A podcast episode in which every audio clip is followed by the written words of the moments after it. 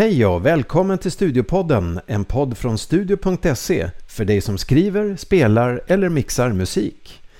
I den här podden pratar vi med välrenommerade musiker om vad som har format dem till de musiker de är idag.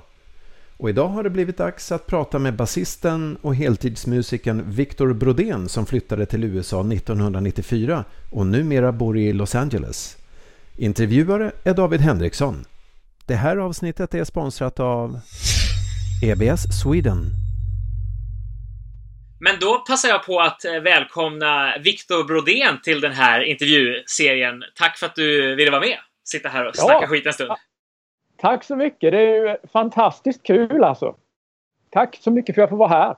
Ja, eh, det hoppas vi att du tycker i slutändan också efter att jag har grillat dig. Eh, jag tänkte ja, be dig först att berätta lite om hur du initialt lärde dig att spela och komma i kontakt med musik. Eh, ja, jag... eh, jag har ingen så här... Eh, mina föräldrar var inte så här eh, duktiga på musik. Men min farfar som dog när jag var bara var fyra år gammal. Eh, Hugo hette han. Han gjorde inte musik som jobb men eh, på, där han bodde på Gotland så kommer jag alltid ihåg i deras hus. Det hängde alltid så indiska flöjter och fioler och med musikinstrument. Och han var känd som en väldigt duktig hobbymusiker. Fast han jobbade som fotograf och han ägde en leksaksaffär också och hade många järn i elden. Um, men jag hade tur med mina föräldrar för att min mamma är som många svenskar sjunger i kör och är eld och lågor om att sjunga. Även om hon kanske inte är du vet, världssångerska så, så hobbynivån eh, och eh, hur mycket hon njuter av musik är väldigt eh, påtaglig liksom. Och, det är eh, lika viktigt att man får se när man växer upp tycker jag som att ja, folk bara har som ett yrke. Jag, liksom. växt, jag växte upp eh, under två fans liksom. Mm. Alltså musikkonsumenter.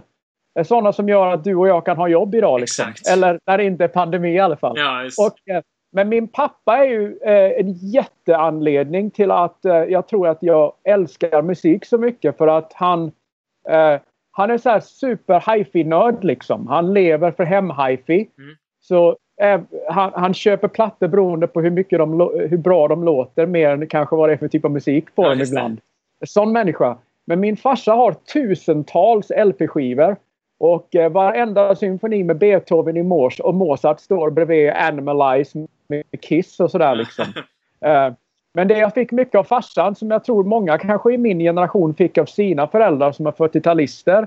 Jag fick mycket, du vet, eh, Elvis och eh, Stax och Motown och mm. amerikansk 60-tals-soul och sådär. Mm. Så eh, ja, en morsa som älskar att sjunga i kör och som tycker om musik och en farsa som är obsessed med hifi liksom. Det var lite så mitt intresse kom igång mm. och min, vad det nu är för någon sorts begåvning man har från början, det kommer från farfar. Så där tror, jag, där tror jag vi har själva upplägget liksom. Just det. Och sen ja, när du väl började spela, liksom, hur var det? Var du liksom Började hemma på Kammel? Tog du lektioner tidigt eller hur, hur funkar det där? Så här var läget då att jag eh, hade, jag tror kanske jag var nio bast någonstans och eh, vi hade ett, en upright piano hemma liksom. Vad det nu heter på svenska, alltså inte flygel, som står på väggen. Piano. Och, eh, och eh, Mamma spelade okej okay på det men det var liksom mer en möbel än, än ett, eh, något livsviktigt. Men vi hade piano hemma redan och det var i bra skick liksom. Det var inget skitpiano. Så när jag var nio bass, tror jag, åtta, nio på mellanstadiet, eller lågstadiet då, på väg in på mellanstadiet liksom så uh, ville jag spela i musikskolan. Mm. Och uh, mitt första val var saxofon. Jag Just var kär i saxofon. Och än idag är jag kär i saxofon och inte gjort något åt det här, vilket är lite skandal. Men eh, saxofon var första valet. Piano var andra valet. Vi hade ett hemma och så kom jag in och fick spela blockflöjt som man fick på den tiden. Jag vet inte om det är samma läge nu. Men eh, eh, det blev piano, inte saxofon. Så jag tog pianolektioner på kommunala musikskolan eh, i två år. Eh, mellan när jag var 10 och 12 bast. Mm. Och eh, ungefär då när jag var 11-12 så gick jag med i en syntpop-trio. Så vi hade alla sådana här sköna eh, plast, små Casio keyboards då. Vi snackar 1984-85. Mm. Och eh, som man då kunde köpa på, eh, på typ Åhléns, nuvarande Åhléns. Mm. Och, eh, och, eh, eh, så vi hade sådana, jag kommer ihåg de kostade 12-1300 kronor styck. De här Casio keyboardsarna. Men vi var tre killar. Det är ganska dyrt för den tiden då. Ja, ja visst. Mm. Och eh, det hade sån här sköna liten trummaskin på. Så var det en mm. knapp som stod fill in och drog man upp ja. tempot så lät det som en gräsklippare och det var ja, väldigt fränt. Men eh, det fräna var faktiskt då att eh, syntpoppen var ju jättestor då. Mm. Depeche Mode och Howard Jones och Alphaville och de här mm. banden. Så eh, jag spelade i en syntpop-trio och spelade piano i musikskolan och vi kom till en punkt i Illa syntpop-trion när vi skulle köpa riktiga instrument. Mm.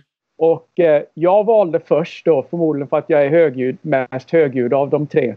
Och eh, jag sa jag vill, jag vill spela bas för vi var allihopa ganska eh, obsessed med mm. syntbas liksom. Mm. Jag kommer ihåg eh, Just Can't Get Enough med Depeche Mode. Den har säkert hört den låten, gammal dänga. Uh, och syntbasen gick dong dong down down down down down down och det tyckte man var det fränaste i hela världen liksom. Det var fränare än än liden liksom. Så uh, vi var allihopa obsessed med syntbas. Så mellan mina pianolektioner och att jag var högljuddast och valde först så valde jag bas. Just det. Det, var, uh, det var så jag kom igång och spela musik. Faktiskt. Och uh, ja, det är lite kul för det är jättemånga som tror att man spelar gitarr först och sådär. Men det var, jag var aldrig... Jag älskar ju gitarr liksom. Mm. Som alla. Du ville spela saxofon, jag, det blev piano och sen bas liksom. Ja, men eh, när det gäller rock'n'roll, mm. ett rock'n'roll-band eller så, så jag var, det var basen liksom som eh, mm. direkt som... Eh, eh, så jag har aldrig något intresse. Givetvis köpte jag akustisk gitarr några år mm. senare som jag fortfarande äger. En Yamaha mm. FG 410. Kanongitarr. Mm. men Uh, men det var aldrig något intresse att liksom bli gitarrist först Nej. och sen så var det för många killar att spela gitarr. Nej, du får spela bas. Det blev aldrig så. Liksom. Vad skönt ändå att, att ha den ingången liksom, jämfört med så många andra. Absolut, absolut. Ja, visst. Kommer du ihåg någon speciell aha-upplevelse eller insikt som fick dig att liksom se musik eller, eller förstå musik på ett djupare plan eller kanske ditt eget instrument på en annan nivå? Liksom?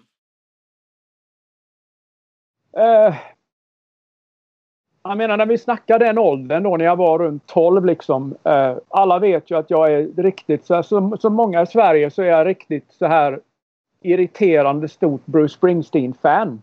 Och eh, efter att ha spelat syntpop då i något år. Eh, i 85 så kom Springsteen till Sverige och alla tidningarna skrev ju om hans konserter på Ullevi på Born in the USA-turnén. Så då kom jag in på rockmusik. Jag mm. kom in på, på hans musik och slutade alla mina andra hobbys inom mm. bara någon vecka.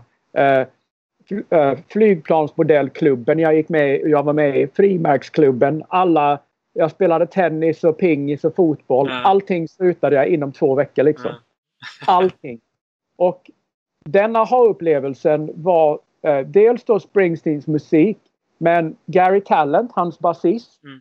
Eh, så många basister från, i den eran av rock från, som började spela mycket på 70-talet var väldigt influerade av 60-tals soul. Det. Så det var mycket det var mycket liksom små Jamerson, James Jamerson-tricks och liksom mm. det var lite mera uh, jag tror rätt ord är studsa, lite mera bounce i mm. basen. Liksom. Det var inte bara så här dong dong dong utan det var dong dong gong gong gong gong. Lite studs i det. Ja, jag fick en riktig aha-upplevelse från att ha älskat syntbas när jag köpte min första elektriska och hörde Gary Talent spela lite förenklade versioner av Motown-bas i rocklåtar. Det. det. tror jag var min första ja. sådär, du vet, där det började där, fixa ja, Men det är ett väldigt distinkt, även fast det kanske inte är ett tillfälle och en låt, så är det ändå liksom det sammanhanget, att höra han spela den grejen i en sån genre. Liksom så det, japp, japp. Väldigt uh, intressant det, det, är ju, det är en direkt liksom eh, det är ju en direkt så här influens hur mycket soulmusiken finns i, i rock. Speciellt Precis. sån här American Heartland rock liksom. Mm. Springsteen, Mellencamp. Till och med en del Bon Jovi liksom. Mm. Men många av de här amerikanska äh, ja, vita rockkillarna mm. från 70 80-talet har väldigt mycket Memphis R&B som, som bas äh, för sin rockmusik. Och det, Sånt som de växte äh, upp med helt helt enkelt. Ja, ja precis. Så det, den, den aha-upplevelsen när jag började lyssna på alla de, Springsteen och Mellencamp och, och sen då hemma hos farsan när man hörde Sam and Dave och, och, och Otis Redding liksom. Mm. Och så hör, men så direkt så, så direkt så hände någon större upplevelse i huvudet när man såg vad mina killar hade snott sina grejer. Mm. Snott med all den äran givetvis. Exakt. Hur är dina tankar kring gehör och notläsning och musikteori? Är det någon av dem som du liksom har fokuserat extra på? Eller är det någon som du har liksom lagt en massa krut på men insett kanske i efterhand att det där hade jag inte behövt lika mycket? Eller något som du liksom har fått ta ikapp lite senare i karriären på något sätt? En lite flerdelad fråga kanske, men... Ja, väldigt flerdelad fråga, men jättebra fråga. Uh, uh, om vi börjar med notläsningen så tack vare att jag började på piano så kunde jag ju lite noter. Mm. Uh, och genom alla hårdrocksbanden i tonåren, mest hårdrocksband, men då, jag spelade ju mycket annan musik. Jag är från Karlskrona som är en, var och jag tror fortfarande är en, en kanonmusikstad för att ha 30 000 pers i sig. Mm, och eh, eh, ja, så, men jag, då som nu så, så jag älskar ju musik. Jag vill ju bara spela bas. Så jag struntar i ifall bandet egentligen var riktigt bra. Jag struntar också i genre helt och mm. hållet. Så jag var ju med i ett par metalband och rätt mycket så här du vet top, top 40. Men jag mm. spelade också i så här typ bossanova-trios, latin-trios och mm. sånt där. Och det var inget sånt kanske teorimässigt att jag hade riktigt pejl på vad jag gjorde så här liksom. Jag var väl inte riktigt med än kanske när jag var 16-17 på half diminished ackord och sånt där. Utan så jag läste ofta basgångar eh, på noter liksom. Mm. Och eh, så jag höll det alltid liksom notläsningen i så halvfart. Mm. Eh, men sen då gick jag musikskola i Minneapolis i USA när jag var 21. Och då var det också lite notläsning. Men sen då när jag började jobba som professionell basist och de senaste 20 åren i Nashville, inte en not någon Nej. gång. Du har ju varit i Nashville på hög nivå ett par år. Det finns inte. inte ens när de vill att man ska spela en exakt typ som ett, ett siglik alltså. Mm. Du ska spela liksom hooklicket för mm. en låt. De sjunger det till dig i örat ja. eller skriver de det eh, med notvärden rytmiskt och så numret under. Ja, precis. Och, eh, jag, jag skäms verkligen att jag inte på eget bevåg under 20 år har uppehållit min notläsning. Eh, eh, så där har då, för att fortsätta svara på din fråga, de senaste två åren här i LA, där jag bor nu. Här är ju notläsning en grej liksom. Mm många sessions här så det är inte ens ackordanalys, det är bara notläsning. Ja, och nu har inte jag varit på så många sådana Nej. sessions, men jag vet att det är så det är, speciellt mm. för jinglar och filmmusik mm, och sånt där. Så, det är alltid arrats ton för ton. Liksom.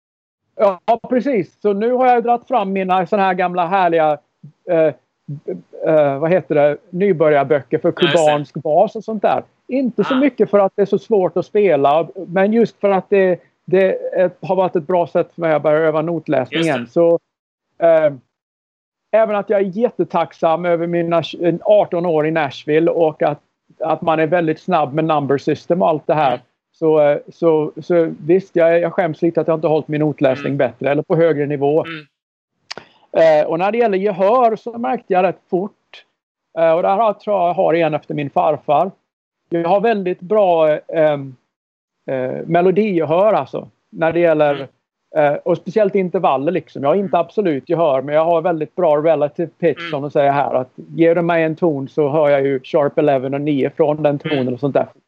Så jag har aldrig haft problem att ta ut låtar utan basen i handen. Nej. Så länge det inte är liksom så länge det är rock, pop, country. Ja, liksom. Det har funkat i ganska mm. många år. Så här, liksom, lära, sig, lära sig låta på ett flygplan utan bas i handen. Ja. Men ähm, Uh, rytmiskt har jag aldrig ansett mig själv vara lika, så här, ha lika bra förspänt som jag har melodiskt. Så rytmiskt sett så alltså, klappa ut takter och du vet spela på det här klicket. Det där är ju ett ständigt jobb. Där mm. känner att det melodiska sinnet är aldrig särskilt mycket jobb. Men det rytmiska för mig har alltid varit mycket jobb. Och mm. to this day så är det fortfarande så tycker jag. Vissa dagar tänker man fan alltså det svänger ju inget när jag spelar. Och du vet, och så analyserar man varför och så jobbar man lite. Och det, ja. det är ständigt, tycker jag i alla fall. Ja, men det är väl så att vissa grejer har man mer naturligt och andra inte. Men att, att bara vara medveten om det så att man aktivt kan jobba moto och inte liksom så här, ah, då är det väl så. Då är jag lite sämre. Då har jag lite sämre timing än alla andra. Och då kan man jobba mot och lägga lite mer krut på det varje gång man arbetar in nytt material. Eller liksom så här. Jag vet ja, att... Visst. Och det kanske du känner igen, men det här med att inte ha det lika bra förspänt på något område gör att man, man blir lite nördexpert teoretiskt på det. Absolut. Så att när någon när, någon, när man är på någon repa liksom, för jag har studerat det här med, med rytm och sväng så mycket mm. för att det var ingenting, jag behövde tänka på det mm. för det var inte naturligt liksom. När man är ibland på en repa och någon säger att ja men det känns inte riktigt rätt, då kan man ofta säga ja, men ja. jag vet varför. Ja. För att man, inte för att man är så jävla bra på att spela svänget, men i teorin så vet man, ja, man, man säger till trummisen att ja, bumpar du tempot 2 BPM men spelar lite bakom klicket mm. så kommer det kännas bättre än om mm. vi spelar rakt på klicket mm på det här tempot. Precis. Och sådana nördanalyser tror jag inte man hade kunnat göra som kapellmästare lika lätt ifall man inte hade haft det lite sämre förspänt Nej, på just det området själv. Jag menar.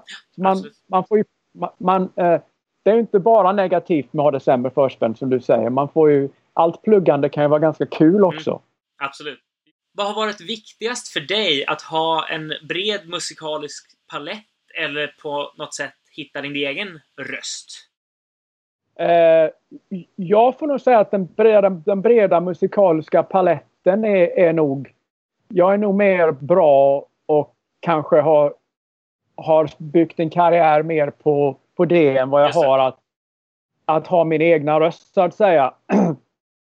Inte så konstigt när man är basist i och för sig. Det är ja, liksom... och, och, och, som jag sa, ända sedan, ända jag var i tonåren i Karlskrona så har jag verkligen tyckt om och jag älskar att härma skivor liksom. Mitt första så professionella gig var på Ritz i Karlskrona, en nattklubb som faktiskt pröjsade coverband fyra kvällar i veckan. Så vi körde på heltid i stort sett. Och eh, vi spelade som alla svenska coverband på den tiden. Mycket Tote och du vet så här liksom slicka grejer. Men eh, eh men det var ju liksom, jag spelade ju inte femsträngat på den tiden. Men jag hade ju fyrsträngat, jag hade en oktavpedal och en korus och det var mycket poplåtar med syntbas. Och, det. och det här med att försöka kopiera plattan har alltid varit skitkul för mig. Det har aldrig känts som att ja, jag har inte min egen röst utan det har bara känts som det jag tycker är roligast att göra. Ja. Liksom. Speciellt, det... kopiera, speciellt kopiera plattan utan att ha de rätta grejerna. Liksom. Ja, precis. Eh, och, och så, så det är väl det som jag tycker själv är min styrka idag liksom kanske. Och, och, och vara en riktigt bra Top 40-basist liksom. Jag säger alltid det till killar i coverband som, som du vet, som du säkert har upplevt på turné när du åkte runt med Tracy i USA. Att det kommer fram lokala coverbandskillar eller de som spelar i lokala förbandet. Mm. Som kanske duktiga musiker som frågar ja men hur man spelar för en större artist eller så. Men så liksom, ja, jag är lite trött på att spela covers. Men då säger jag alltid att men du har ju inte skrivit de låtarna för den större artisten heller. Du spelar Nej. ju fortfarande covers. Det är bara att killen ja. som sjöng på plattan sjunger. Ja. Men som dig... Så, I din roll som kompmusiker så gör du ju precis samma sak. Ja. Så jag menar, det liksom... Um, på många sätt så är det ju faktiskt så. Det har jag tänkt också många gånger. Att liksom det, för mig, jag är inte upp, Alltså jag, jag, är inte kompositör här ändå. Liksom. Nej. Men det, kanske, det kan ju bli lite mer konsekvent kanske liksom. Men, eh, men, men ibland det... tycker man ju inte om det. Ibland blir det ju tjatigt också att spela samma låtar Precis. med samma person. Precis. Men, äh, men när det gäller det här med egna rösten, liksom, jag har alltid tyckt att ja, men jag är bra imitatör, basist liksom. Mm. Men nu inser man ju liksom när man jag, man spelar in sig själv mycket oftare nu än man brukar. Liksom. Mm. Speciellt när jag, när jag började liksom, så hade man ju inte en dator och, och, och liksom Logic. Liksom, mm. Utan man spelade in då som var lokala inspelningsstudios i Karlskrona. Mm. Det var kanske två gånger om året när man sparade ihop pengar och hela bandet gick in och spelade demo. Liksom. Ja. Så nu hör jag ju mig själv mycket oftare. För jag spelar in nästan varje dag i, i Logic ja. någonting. Ifall någon vill ha, som, ha ett bastrack eller... Ja. Så helt plötsligt är jag mer medveten om hur jag själv låter på, på gott och ont. Det är ju bästa och, sättet att, äh, att, äh, att examinera sig själv på något sätt. Att ja, kunna lyssna men, tillbaka i efterhand. man är inte bäst ja, på att analysera sig själv i realtid. Liksom. Visst.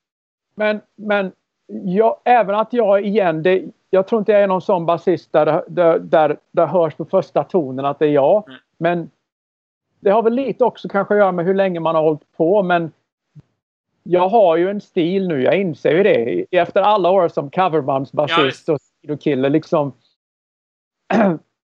jag, jag lyssnade jättemycket på Billy Sheehan i några år. Mm. Helt och hållet. Och inte för det här tappingen och solospelet utan för hans attityd. Mm. När han lägger sig ner och spelar vanlig bas. Mm. Så gör han det ändå på ett sätt som jag tycker ingen annan gör. Och det är, mm. ingen, det är inte många som pratar om hans Nej, basspel.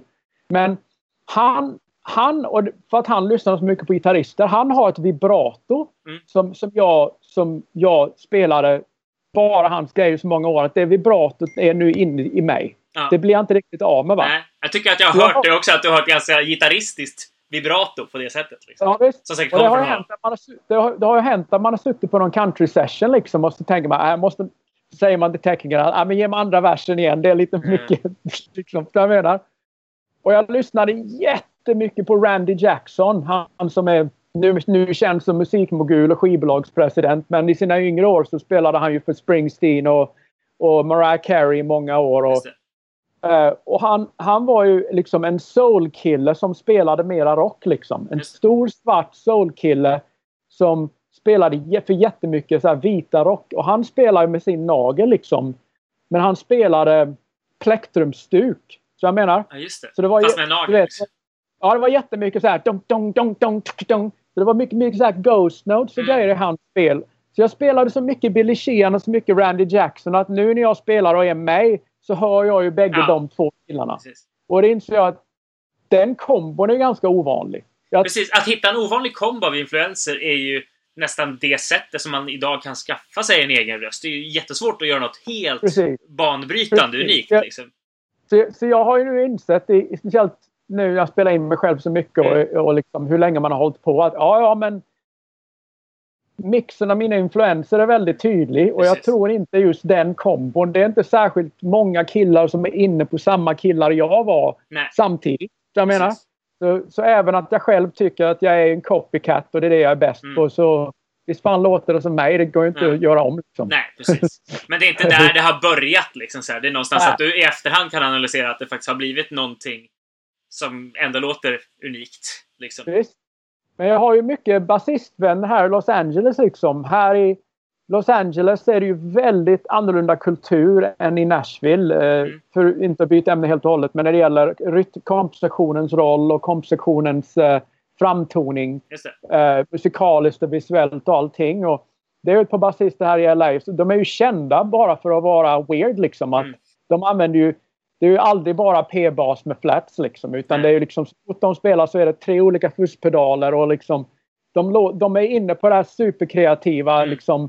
Att du vet, det låter som ett rymdskepp varje gång de ja. spelar och de är kända för det. Och det är ju natt och dag tycker jag från vad jag är. Men det, det är väldigt inspirerande liksom ändå med sådana basister också givetvis. Ja, man, man, behöver inte, man behöver inte kopiera och applicera det till sitt eget liksom. Men bara att höra möjligheterna med sitt instrument är ju något som är trevligt.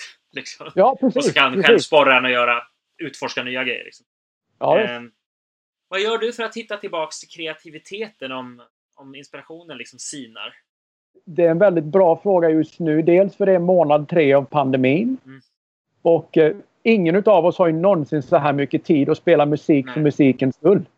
Precis de av oss som är lyckliga att jobba, vi lär oss ofta låta till något projekt vi har blivit mm. inhyrda för. Eller, Exakt. Så det är ju en, för mig har det varit en total eh, retur till när jag var typ 21-22. Jag gick mm. i, i skola i Minneapolis och det var bara hela dagen lära sig nya grejer eller så här.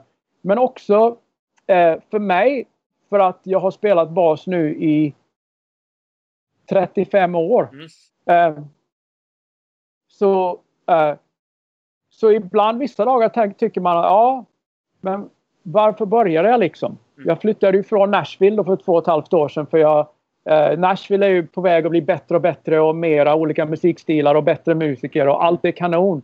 Men jag kände att eh, jag jobbade i moderna countrysvängen mest. Jag tyckte inte den moderna countryn var alls lika bra som den var för många år sedan. Så jag tänkte det att ja, nu känns det för första gången som att jag för att jag ska älska musik igen så måste jag nog spela mer musik jag vill. Ja, du vet.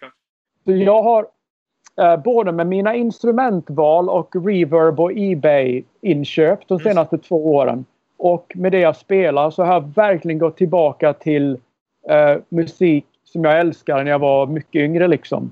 Eh, Så min inspiration, jag har hittat mycket ny inspiration just nu för att helt enkelt gå tillbaka till grejer som verkligen jag gick igång på förr i tiden.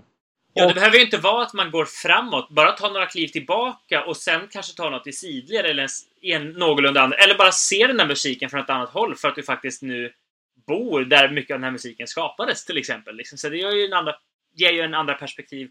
Och ja. det är liksom, jag, jag tycker också om att gå tillbaka och antingen lyssna på sådana skivor som man tyckte om när man var yngre eller ja, spela de låtarna. För att det, det är viktigt att inte glömma bort varifrån man kommer. Liksom. Det, det är inget spikrakt, spikrakt spår framåt. Liksom. Och att gå tillbaka ja. kan vara jäkligt nyttigt. Ja visst, eh, det var bra iakttagelse liksom. Och jag, jag, vet att de flesta riktigt kreativa människor, de är aldrig liksom intresserade av vad de har gjort. De är intresserade bara av framtiden liksom. Men för mig har det varit de senaste två åren kanske en riktigt bra inspiration att gå tillbaka och spel, spela de plattorna jag brukade spela med när jag var 18-19 bast som kom ut då. Mm. Och eh, nu är, efter att ha spelat så många mer år så är man ju kanske lite bättre. Du plankar dem kanske på ett annat sätt liksom? Ja, kanske precis. inser att liksom, man, fan, man, så här är det ja, egentligen. Ja, precis. Så jag har, varit, jag har blivit väldigt inspirerad av, att gå tillbaka till det som verkligen satte eld under rumpan på mig när jag var allt, säg kanske mellan 17, 18 och 22 bast liksom. Jättemycket av den musiken har jag gått igång på och liksom försökt kopiera ljuden och både vad, vad det var för grejer de spelade och liksom och men och, och bara spela det nu när jag har lite mera så här proffsår under bältet och säga ja men kan jag spela Känns, hur känns det att spela med den här plattan nu? Känns det som det gjorde när jag var yngre? Typ. Så det har varit jättekul för mig faktiskt. Du som har jobbat mycket som kapellmästare genom åren. Har du, dela gärna med dig om du har några tips för folk som är i de situationerna och kanske inte har lika mycket erfarenhet som du själv har. Uh, ja, jag, jag, tycker det är jättekul att vara kapellmästare och ett par av de anledningarna är väldigt själviska. Och vi ska börja, vi ska börja med dem. Uh, det finns ju inget bättre. Jag hade tur när jag växte upp i Karlskrona. När jag var typ igen 17-18 och spelade med jättemånga killar som var 21-22 och som var väldigt mycket duktigare än mig. Och det finns ju inget bättre i musik än att och, när man är i ett rum med människor man tycker är badasses, som man mm. ser upp till. Och man känner själv att jag suger lite här men fan vad det är kul att suga. Det är ju en otroligt utvecklande och inspirerande känsla tycker jag. Verkligen, verkligen. Och eh, som kapellmästare då, när någon säger att ja, hyr, anställ musiker åt mig och sätt ihop mitt band. Då har man ju någon annans pengar och ringa sina bästa vänner. Och liksom, ja, vi ska nu vara ihop i ett år eller kanske det kanske bara är ett showcase. Då ska vi vara ihop i två dagar och repa och sen en dag spela mm. showcaset liksom. Men då får jag betalt av någon annan för att på något sätt ta privatlektion av mina bästa vänner som jag helst vill spela med. Vad kan vara bättre på jorden liksom? Ja, precis. Så där, där är min favoritgrej med att vara kapellmästare. Alltså välja ditt eget favoritband helt enkelt. Ja, precis. Alltså, en av favoritgrejerna är när man, man, när man trycker in telefonnummer i telefonen och, och, man, man har möjligheten att anställa sina vänner. Mm. Det är jättegod, det är en jättegod känsla liksom. Mm. Och, eh, eh, och då vet man att det blir bra liksom. Precis. Man, man, man är stolt att sätta sig ett namn på det här mm. bandet för att man kan, man kan säga till artisten eller till någon i publiken som kommer fram efteråt, vilket jävla band. Då säger man att ja, jag hyr de bästa killarna jag Precis. vet och eh, de får mig att låta bättre liksom. Ja. Uh, uh, så det är jättehärligt med att vara kapellmästare. Mm. Uh, det, det, är en frihet och en lyx mm. att få välja sina medmusiker. Verkligen, verkligen. Den andra grejen som jag har verkligen lärt mig, för jag är ju kanske inte känd för att vara världens mest så här, Ofta om någon frågar min åsikt liksom så häver jag ur mig exakt vad jag tycker och så folk säger Why don't you tell me what you really think? Du vet så jag menar, man, man kan vara lite politiskt okorrekt mm. ibland för att man är så blunt. Precis. Liksom. Uh, men med det sagt så när man är på arbetsplatsen som kapellmästare så diplom, eh, diplom, vara en diplomat är jätteviktigt liksom. Så jag använder ofta liknelsen att när man vill ge ett barn eller sitt husdjur en medicin de inte vill ta så lägger man in pillret i en sked med glass eller någonting ja, jävligt. Och som kapellmästare då, om jag jobbar med två gitarrister eller en gitarrist till exempel. Och, Och jag känner direkt när vi spelar igenom låten att nej, men det han spelar på andra grejen, andra versen funkar inte alls för mig. Jag gillar inte det. Då säger jag att Fan vad bra refrängerna låter. Du spelar precis det jag vill ha på refrängerna liksom. Kanon verkligen. Uh, verserna kanske vi kan testa något annat liksom. Mm. Så jag menar, jag lindar in varenda yes. konstruktiv uh, krit jag lindar in det i någonting sött mm. eller något positivt. Precis. Och det är inte för att prata med dem som är barn, men vi har... Vi, oss, jag tror vissa idrottsmän de gillar att ha en coach som är att nej fan det är inte bra nog, jag mm. kräver mm. mera, vi kan göra bättre. De, de gillar den militärpressen. Ja, men de flesta musiker är rätt känsliga ja. liksom. Och vi presterar bättre när det är en, en, en så att säga, en ganska kärleksfull, upp, vet, upplyftande miljö. Ja, att man miljö. börjar, börjar med det positiva på något sätt. Liksom så här, Hörni grabbar, ja. tjejer, nu jäklar ska vi ha kul idag. Man börjar dagen så, inte så här, fan vad dåligt det gick igår på repet. Utan det är det. Att man måste ju börja med något upplyftande på något sätt. Och sen det. kan man komma... Och inte så här, det var skit i vers, utan kan vi testa något annorlunda? Jag är inte helt nöjd med min grej heller. Vi kanske behöver liksom synka vad du spelar och vad jag spelar. Liksom, så att Det kan lika gärna vara jag som behöver byta så att man inte alltid målar in någon annan i ett hörn. Att det, det är du Precis. som har gjort någonting som vi behöver ändra på här. Precis. Så jag, jag tänk, det är min största liksom, råd när man var kapellmästare. Att, att bete sig som chef som kapellmästare. Eh, ibland behövs det, men det är mm. väldigt sällan. Liksom, utan det är mer att man är att man, det är nästan som man, man sitter vid ett pokerbord och man är killen som delar ut korten mm. till spelarna. Så jag menar, man är bara där för att hjälpa till och vara ja. tyst. Eh, så att säga, eh, så känner jag lite mm. med kapellmästarrollen.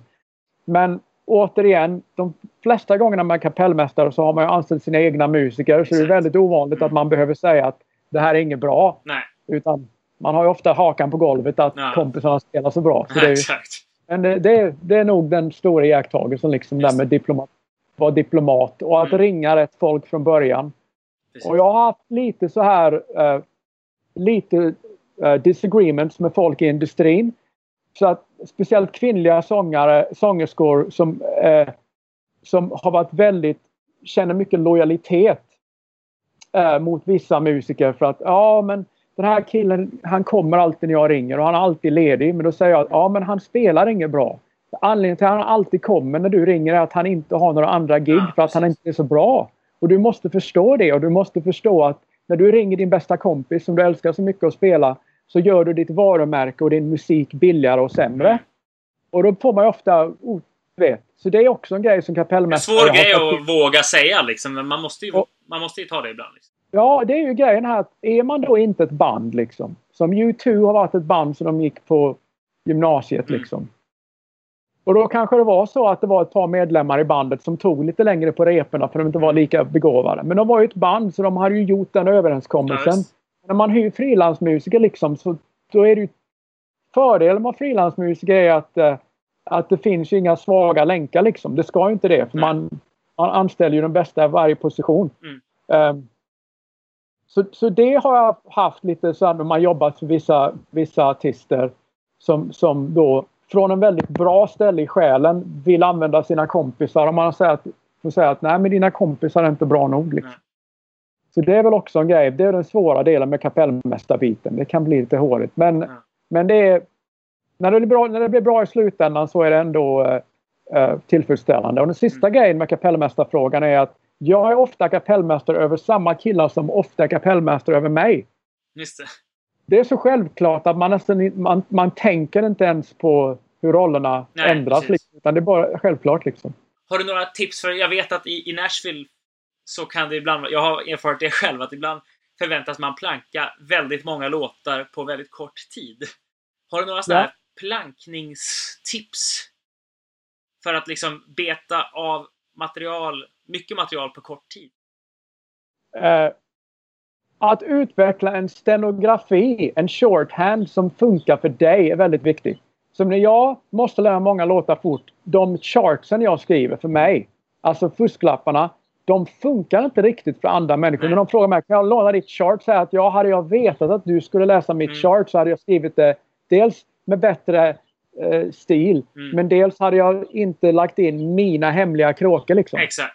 Jag har massvis med koder. Om jag lyssnar på en låt som då ska lära dig 40 coverlåtar till övermorgon.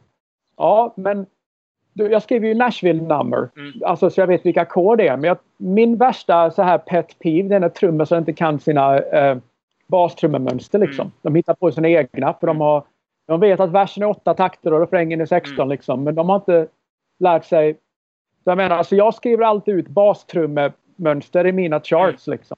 Så, så jag, du vet, så jag vet vad, vad det är liksom. Ja. Så typ, är, är baskaggen 1 och 3, dunk, dunk, dunk, så skriver jag hjärta. För I min första skola så kallade en av mina lärare den, den rytmen för heartbeat. Mm.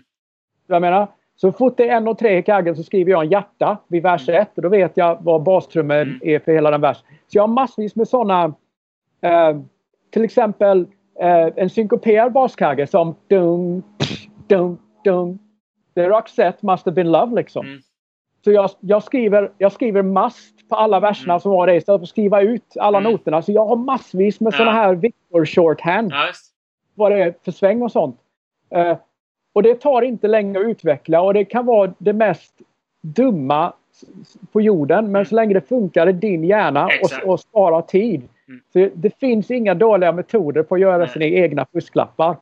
Och eh, en annan grej jag tycker är viktig när man, när man ska lära sig många låtar för ett gig är att if, ifall man inte ska gömma sig längst bak vid trummisen som basist. Mm. Ifall folk väntar sig att man ska vara fram och jämma lite mm. och du vet och vänta sig det. Mm. Så, så är viktigt att skriva stora charts så du inte mm. har ett du vet, musikstativ liksom rakt i färjan mm. eller en iPad liksom. Utan att du kan gömma det lite längre ner kanske. Mm. Alltså du kan titta ner och sen titta upp och mm. göra lite kontakt med andra i bandet och vara människa och sen titta ner, du vet.